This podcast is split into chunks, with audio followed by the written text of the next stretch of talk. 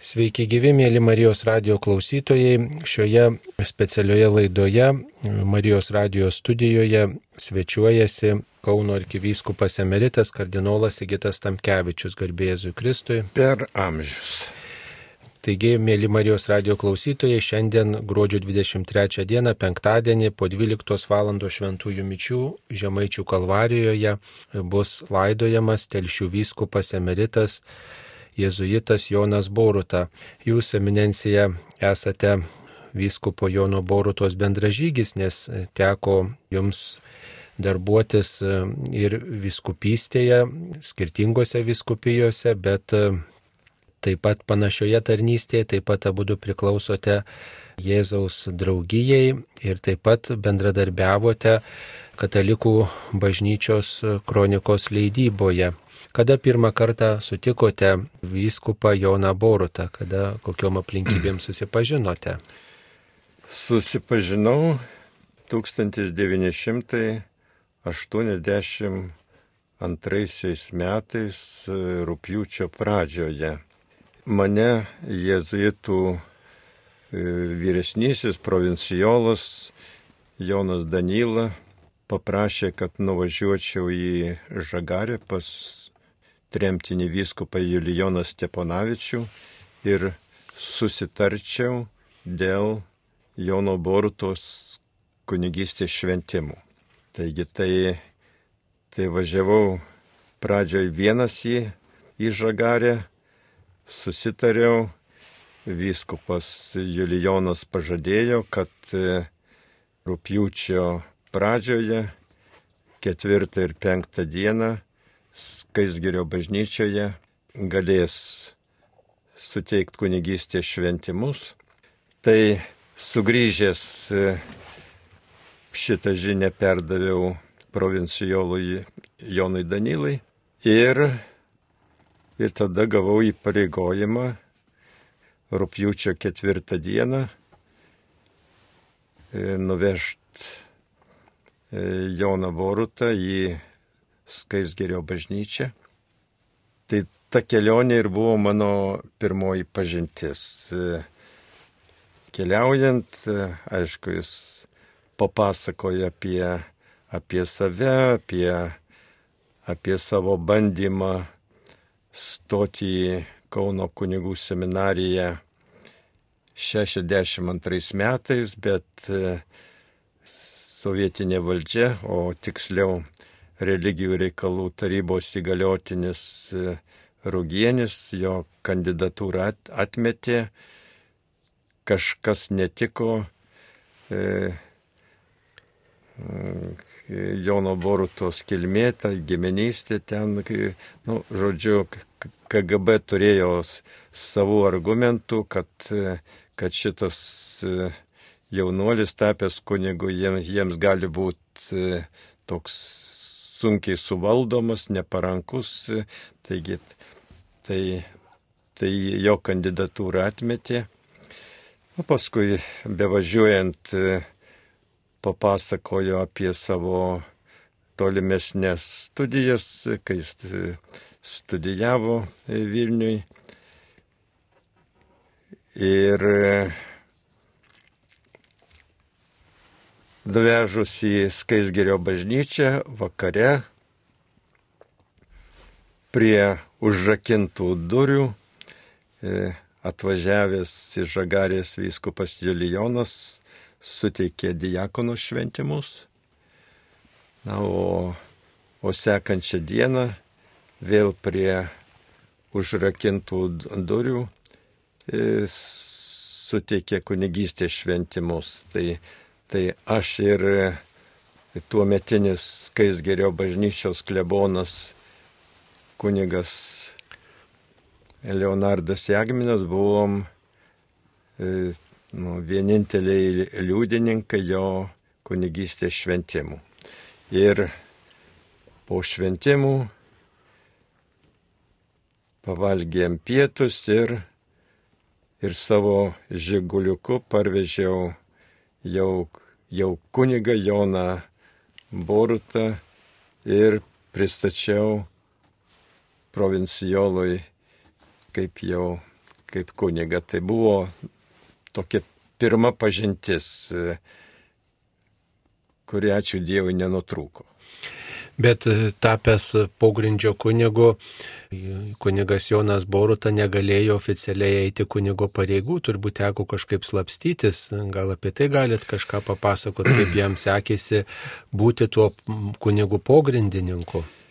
Taip, e, tuo metu jau 82 metai Lietuvoje buvo e, jau ne vienas kunigas pogrindininkas. E, Čia Kaune turėjom labai aktyvų e, kunigą Petrą Našlėną, kuris, kuris dažnai man patalkindavo kibartuose, ypač kai reikdavo važiuoti į Maskvą vežti kroniką, tai jis visada mane pavaduodavo. E, tai gavę šventimus, e, Jonas Boruta ten apsitaręs su provincijolu Danylą e, savo tolimesnį ateitį, sutarė, kad, kad jis bandys tarnauti e, tikintiesiems ne Lietuvoje, bet Ukrainoje. Ir tuo metu Ukrainoje, Chmelnickije tarnavo buvęs mano bendrakursis, irgi jėzuitas kunigas Vytautas Merkys. Ten, kadangi jis buvo tiesiog vienintelis kunigas ant labai milžiniško regiono, jam tikrai buvo reikalinga pagalba, tai, tai kunigas Boruta nutarė važiuoti į Ukrainą ir ir pagelbėti e, e, kunigui Vytautui Merkiui. Bet e, šitas planas dėja žlugo, kadangi religijų, Ukrainos religijų reikalų taryba pogrindininkui oficialiai neleido dirbti, o, o kunigas Merkys suprato, kad e, jeigu nelegaliai e, Boruta patarnaus, tai jam pačiam, ko gero, gali tekti iš Ukrainos ir, išvažiuoti, tai nenorėdamas rizikuoti savo, savo tarnystę, tiesiog e, jau abu nutarė, kad kunigas Boruta grįš į Lietuvą. Tai, tai jis ir grįžo į, į Lietuvą, daug bendravo su, e, su kabelių klebonu, tuomet kabeliuose tarnavo kitas jėzuitas labai uolus, e, toks e, eruditas Jonas Lauriūnas. Taigi, tai,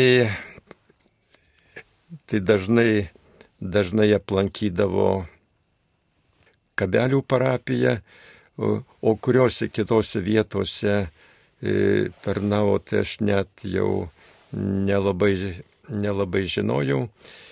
E, su juo taip artimiau susipažinau per kunigo Svarinsko teismą. Tai buvo jo kunigiškos tarnystės antri metai ir jo būtas e, Vilniuje buvo visų mūsų kunigų disidentų tokia susibūrimo vieta. Tai, tai kai, kai vyko kunigos Varinsko teismas, tai mes atvažiavę į Vilnių pirmiausiai susirinkdavom pas kunigą Borutą, jo, jo būte žirmūnuose, o paskui, paskui keliaudavom į aukščiausią teismą dalyvauti teismo procese, kiek jau bus įmanoma. Tai tuo metu man jau buvo beveik aišku, kad e, tikriausiai greitai būsiu areštuotas. Tai kuniga Borutą prašiau, kad jeigu jau taip nutiks, kad, kad jis padėtų e, toliau leisti kroniką, jis patvirtino, kad e, gerai, kiek jau galės padės. Žinoma, aš buvau pramatęs ne tik kuniga Borutą įjungti kronikos darbą. Pirma mintis buvo įjungti kuniga Joną Kaunecką, bet, bet suvokdamas situacijos sudėtingumą, kad, kad gal, gal vienam ne, gali būti kliūčių, tada kad būtų antras pagalbininkas, tai, tai kažkaip širdėje buvo ramu, kad e, šitie du kunigai, vienas ar kitas, e, jie, jie tikrai tikriausiai galės padėti kronikos leidimui. O, o tą tokią pagrindinį redagavimo darbą e, atliko seserys vienuolės, tai Vilnietė Elena Šuliauskaitė, paskui kita Kybartuose, e, Kybartuose gyvenusi sesuo Bernadeta Mališkaitė. Tai buvo tokia kaip ir, ir komanda, kur, kur atrodė jau, jeigu būsiu areštuotas, kad tikrai kronikos leidimas nenutruks. E, kunigas e, Jonas Boruta nuo 1983 metų iki pat e, atgimimo laikų iki 1989 metų buvo Lietuvos katalikų bažnyčios kronikos redaktorius ir per tą laiką jis parengė ir išleido 21 mm, šios svarbaus leidinio numerį. Kaip jam pavyko per tuos metus išvengti mm, tokio saugumo dėmesio ir būti nesuimtam, nes turbūt mm, vis tiek kronika eina ir apie tai žinojo saugumas ir turbūt nepaliaujama ieškojo, kasgi yra tie leidėjai, kas yra tas, kuris rūpinasi kronikos leidybą. Į šitą klausimą e, nelengva atsakyti. E, e, manau, tiksliausias atsakymas būtų tikrai viešpats šitą pogrindžio leidinį globojo. Vis tiek per, per 17 metų KGB pareigūnai nesugebėjo sulikviduoti nu, aš, aš laikau kaip, kaip stebuklą. E, nes e, jie pogrindžio leidinius e, Maskvoje sulikviduodavo per kokius 2-3 metus. Taigi, na ir, ir Lietuvoje visa, visa eilė pogrindžio leidinių jiems pasisekė per kelis metus sulikviduoti kronikos nesulikvidavo per 17 metų.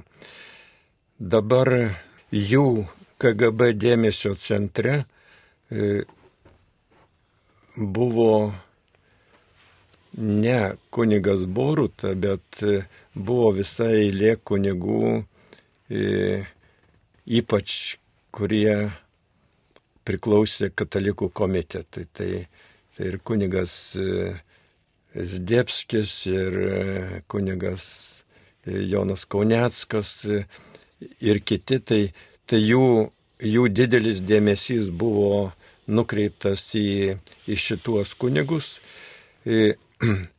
Žinoma, sunku pasakyti, kiek, kiek jie mąstė, kad ir kunigai pogrindininkai gali būti įsijungę į kronikos leidybą bet,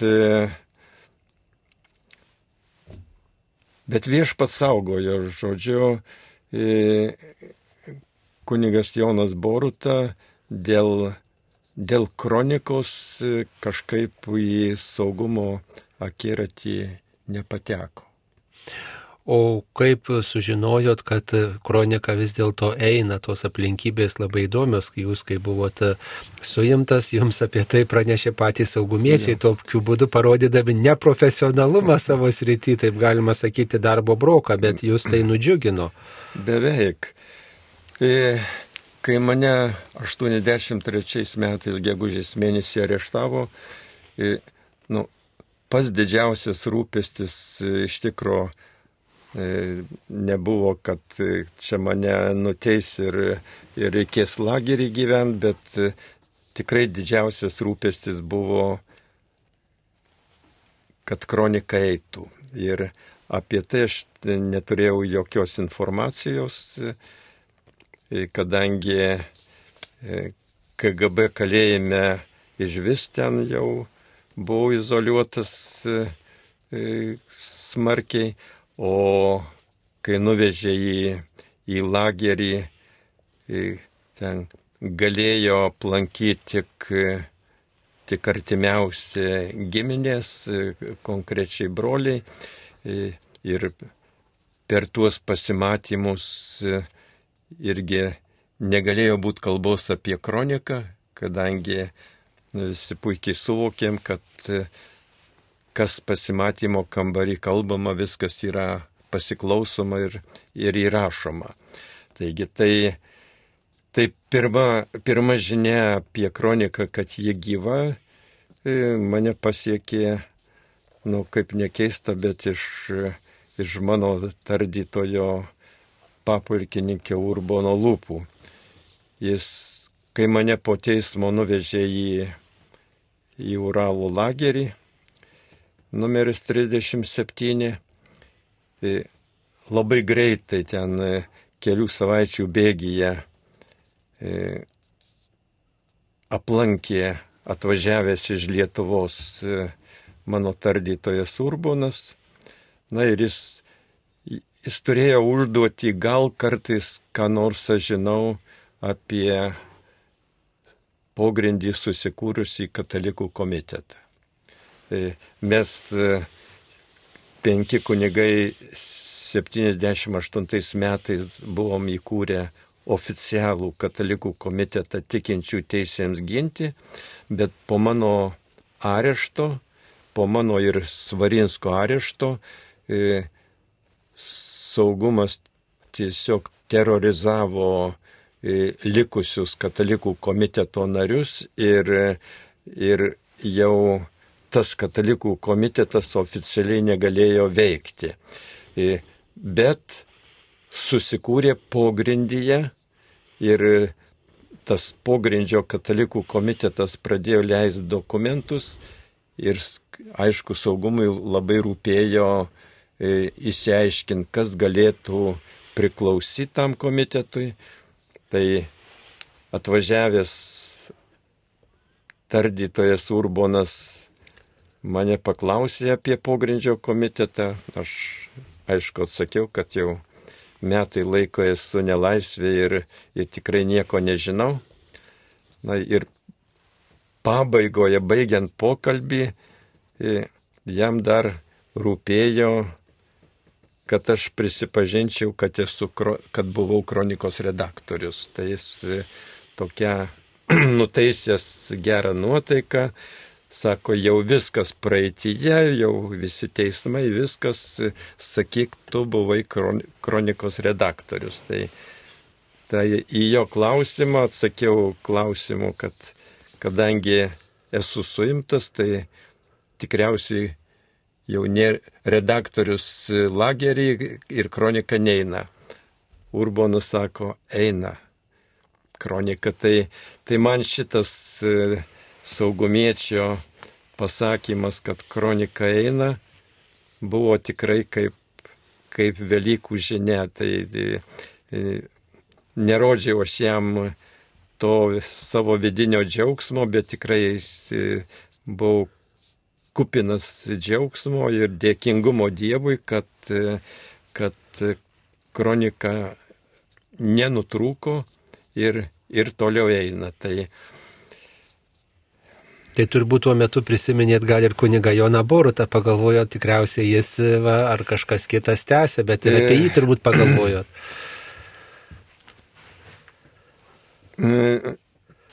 Pirmiausiai galvojau, kad e, tikriausiai seserys vienuolės, kurios, e, kurios man talkino e, kroniką leidžiant, kad jos tęsia darbą. Na ir e,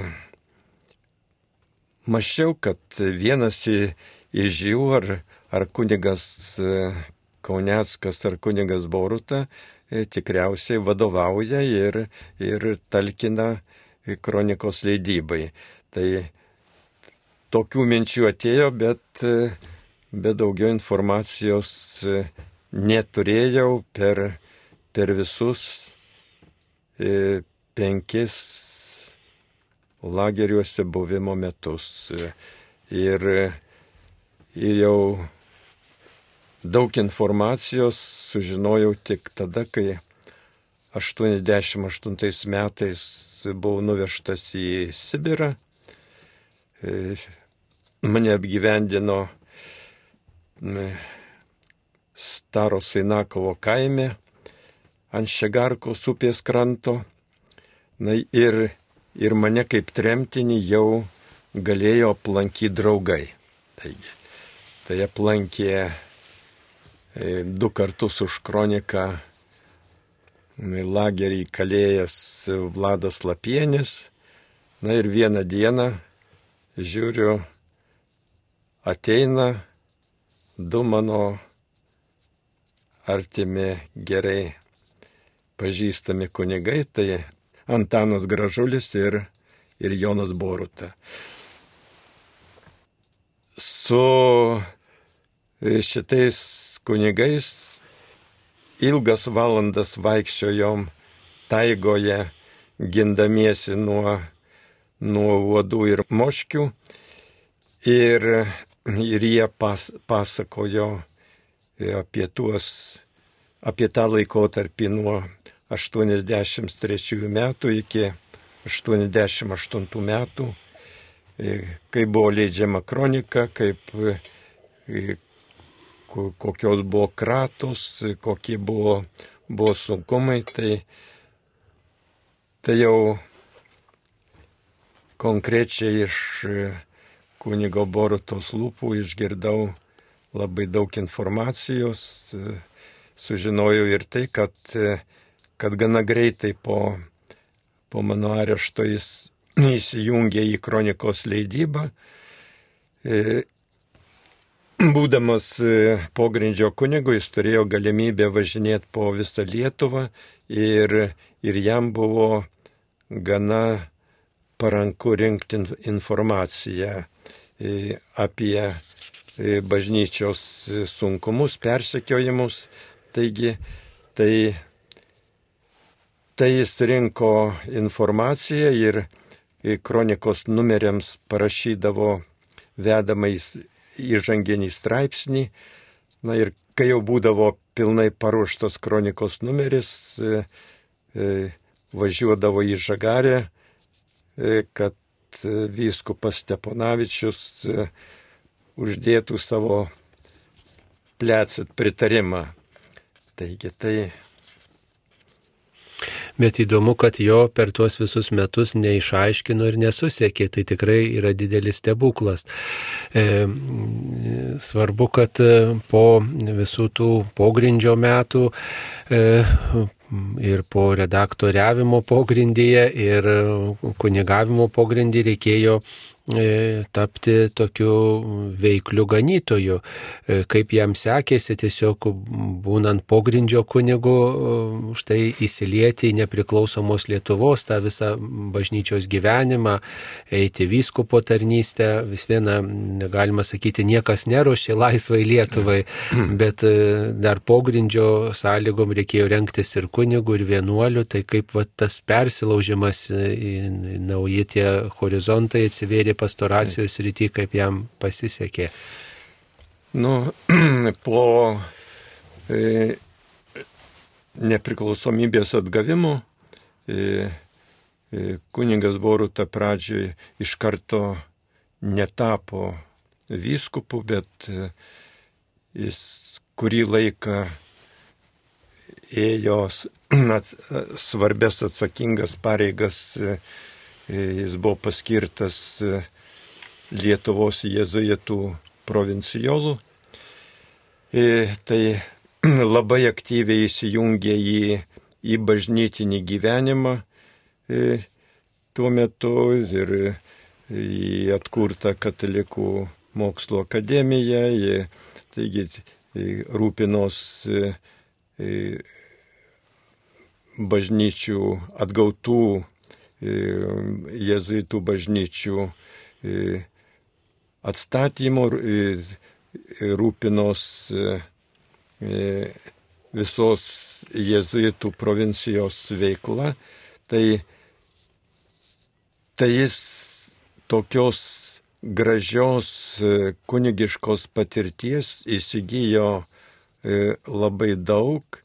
Na ir kai iškilo reikalas, kad Vilniaus ordinarui arkivyskupui Bačkiui buvo reikalingas pagalbininkas, tai tarp, tarp nusiųstų vyskupų kongregacijai kandidatūrų buvo ir, ir kunigo Jono Borutos kandidatūra ir, ir, ir vyskupų kongregacija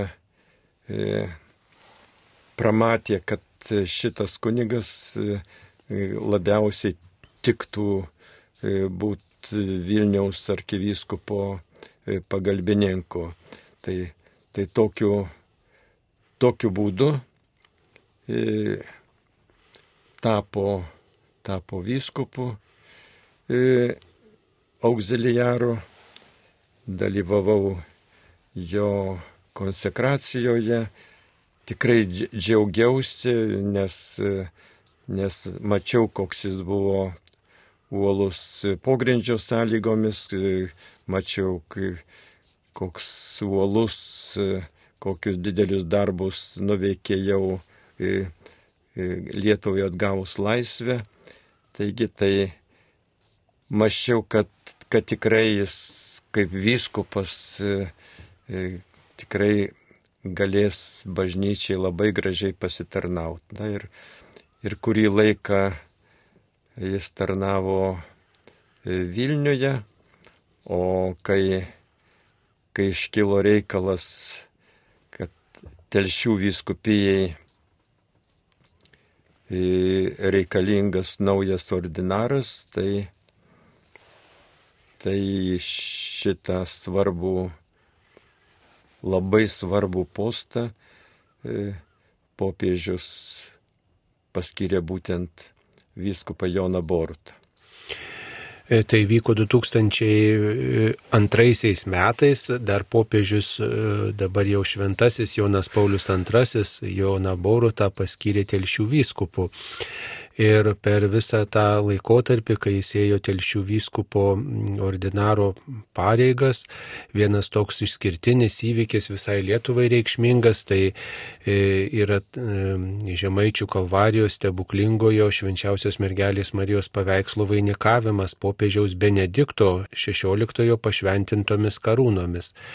Galbūt apie tai galima irgi keletą žodžių tarti, kaip tai nutiko, kad vat, tas paveikslas taip pagerbtas ir būtent vyskupo Jono Borutos rūpeščių.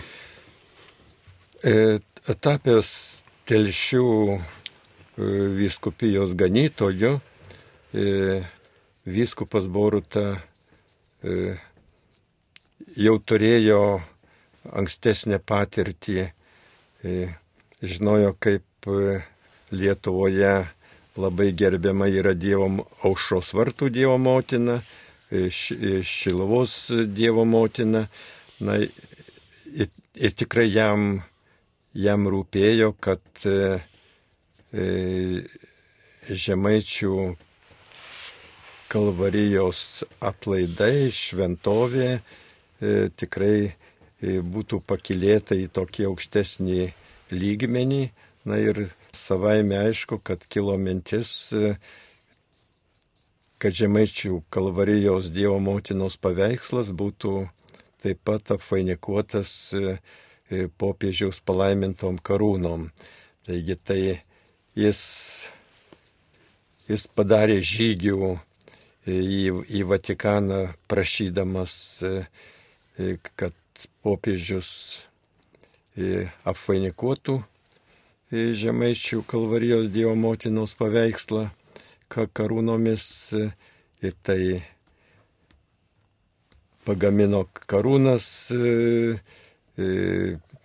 nuvežė į Vatikaną, kad palaimintų ir, ir šis paveikslas buvo tomis karūnomis afainikuotas.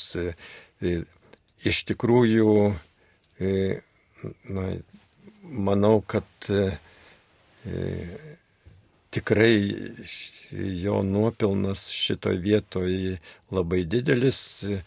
Nu, žemaičių kalvarijos Dievo motina nu, atsistojo greta jau e, aušos vartų, Šiluvos Dievo motinos. E, tikrai žmonių dar daugiau pradėjo E, lankyti e, žemaičių kalvarijos atlaidus. E, tai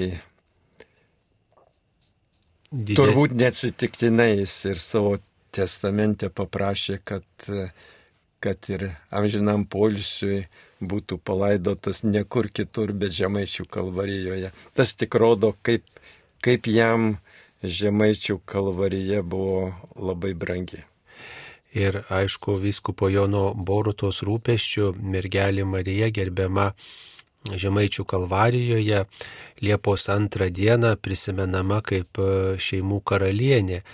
Ir mm, štai nuo 2008 metų Liepos antroji visoje Lietuvoje švenčiama kaip mergelės Marijos šeimų karalienės liturginė šventė. Taigi prašom Marijos globos visoms šeimoms.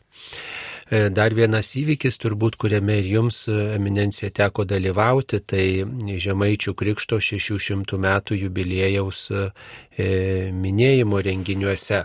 Galbūt e, ir apie tai galim kažką papasakoti. E, vyskupas Jonas Boruta kaip istorikas, kaip e, istorija besidominti žmogus, tikrai turbūt rinko daug informacijos apie žemaičių krikštą ir apie žemaičių istoriją ir turbūt su dideliu džiaugsmu dalyvavo tuose renginiuose, teko gal ir kalbėtis apie tai su juo. E,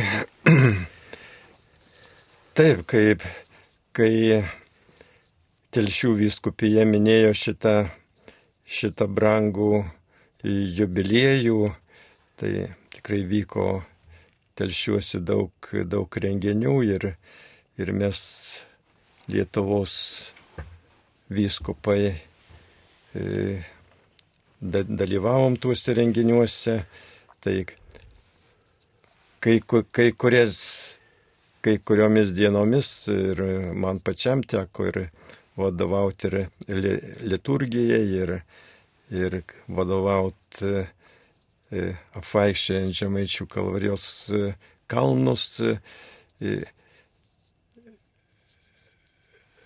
mačiau, kaip vyskupas Jonas Boruta tikrai buvo įsikirtęs, kaip jam buvo labai labai svarbi Žemaičių kalvarijos šventovė, tai nežinau, koks kitas vyskupas galėjo tiek daug e, prisidėti prie, prie šitos šventovės tokio išpopuliarinimo.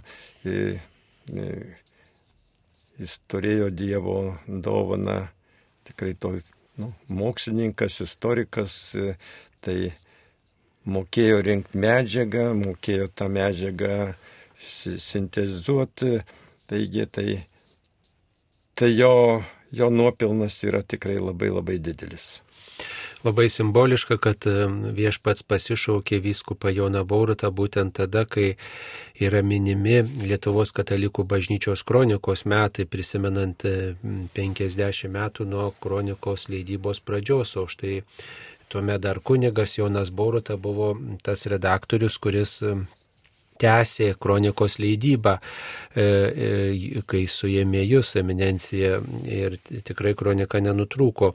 Jums per šiuos metus teko važinėti po Lietuvą, dalyvauti įvairiuose susitikimuose daugybę kartų, kalbėti įvairiai auditorijai apie kroniką, turbūt minėjote ir vyskupą Joną Borutą, e, kaip žmonės štai priima va, tokį laikotarpį ir, ir apskritai tokį fenomeną, ar domisi juo ir, ir jums pačiam koks įspūdis įspūdis susitinkant su žmonėm, kalbant įvairias istorijas. Per šiuos jubiliejinius kronikos metus tikrai teko dalyvauti e, labai daugelį progų. E, per 60 kartų įvairiose Lietuvos vietose e, turėjau galimybę papasakoti apie tą sunkų bažnyčiai laikotarpį, kai kai bažnyčia buvo engiama, e, diskriminuojama, e, kuningai negalėjo, neturėjo teisės net vaikus e, mokyti katekizmo tiesų. Na ir visa sovietinė sistema buvo paremta ant prievartos ir melo. Ir e, pasipriešint prievartai ir melui buvo galima e, dviem būdais. Tai nebijot prievartos ir o melą demaskuot. O melą demaskuoja tiesos žodis. Tai, tai kronika ir, ir tapo tuo e, melą demaskuojančiu. E, kadangi rinko faktus ir ir tikrai ir man, ir, ir vėliau kunigui Borutai rūpėjo, kad, kad į kroniką patektų tik neginčiajami faktai. Ir, ir tie faktai per kroniką pasiekė laisvai pasaulį ir apie mūsų bėdas Lietuvoje sužinojo visas vakarų pasaulis, rašė, rašė laikraščiai, buvo kalbama per radiją, kronikos medžiaga per Vatikano radiją ir laisvo, laisvės radiją pasiekdavo Lietuvą. Ir žmonės klausydami radiją girdėjo, girdėjo, kas vyksta aplinkui juos e, ir labai žmonės drąsino tie faktai, kur, e, kur kronika rašė, kaip, kaip žmonės gynė savo bažnyčias, kaip mokiniai tvirtai laikėsi e, ten, kad ir buvo peikiami, persekiojami, bet vis tiek eidavo į bažnyčią, tai tie visi tokie drąsūs pavyzdžiai kitus užkrėsdavo ir, ir manau, neatsitiktinai, kai, kai 88 metais e, Lietuvoje gimė sąjūdis, tai e, didžiausiais sąjūdžio rėmėjais e, buvo pirmoji eilėje žmonės, katalikai, tikintieji, kurie, kurie augo ir drąsėjo kronikos įtakoje. Tai Tai apie tuos kronikos leidimo metus šiais metais tikrai daugelį, daugelį vietų teko, teko dalintis savo patirtimi. Aš, aišku, ir, ir pasakojau e, apie tuos kronikos talkininkus, o, o kunigas Jonas Boruta, kai tik ir buvo vienas iš tų tokių svarbių kronikos talkininkų. Mėly Marijos radio klausytojai, šioje laidoje prisiminėme vyskupą Joną Borutą, kuris penktadienį, gruodžio 23 dieną, po 12 val. šventųjų mišių Žemaičių kalvarijos bazilikoje laidojama Žemaičių kalvarijos kapinėse esančioje vienuolių kapavietėje. E, vyskupą Joną Borutą. Šioje laidoje prisiminė jo bendražygis e, kardinolas Sigitas Tamkevičius. Viešpats te būna maloningas savo tarnui, e, vyskupui Jonui Borutai ir priima į dangaus karalystę, kurios mes visi ilgimės. Šioje laidoje kardinolas Sigita Tamkevičių kalbino aš kunigas Saulis Bužauskas. Būkite palaiminti, ačiū sudė. Sudė.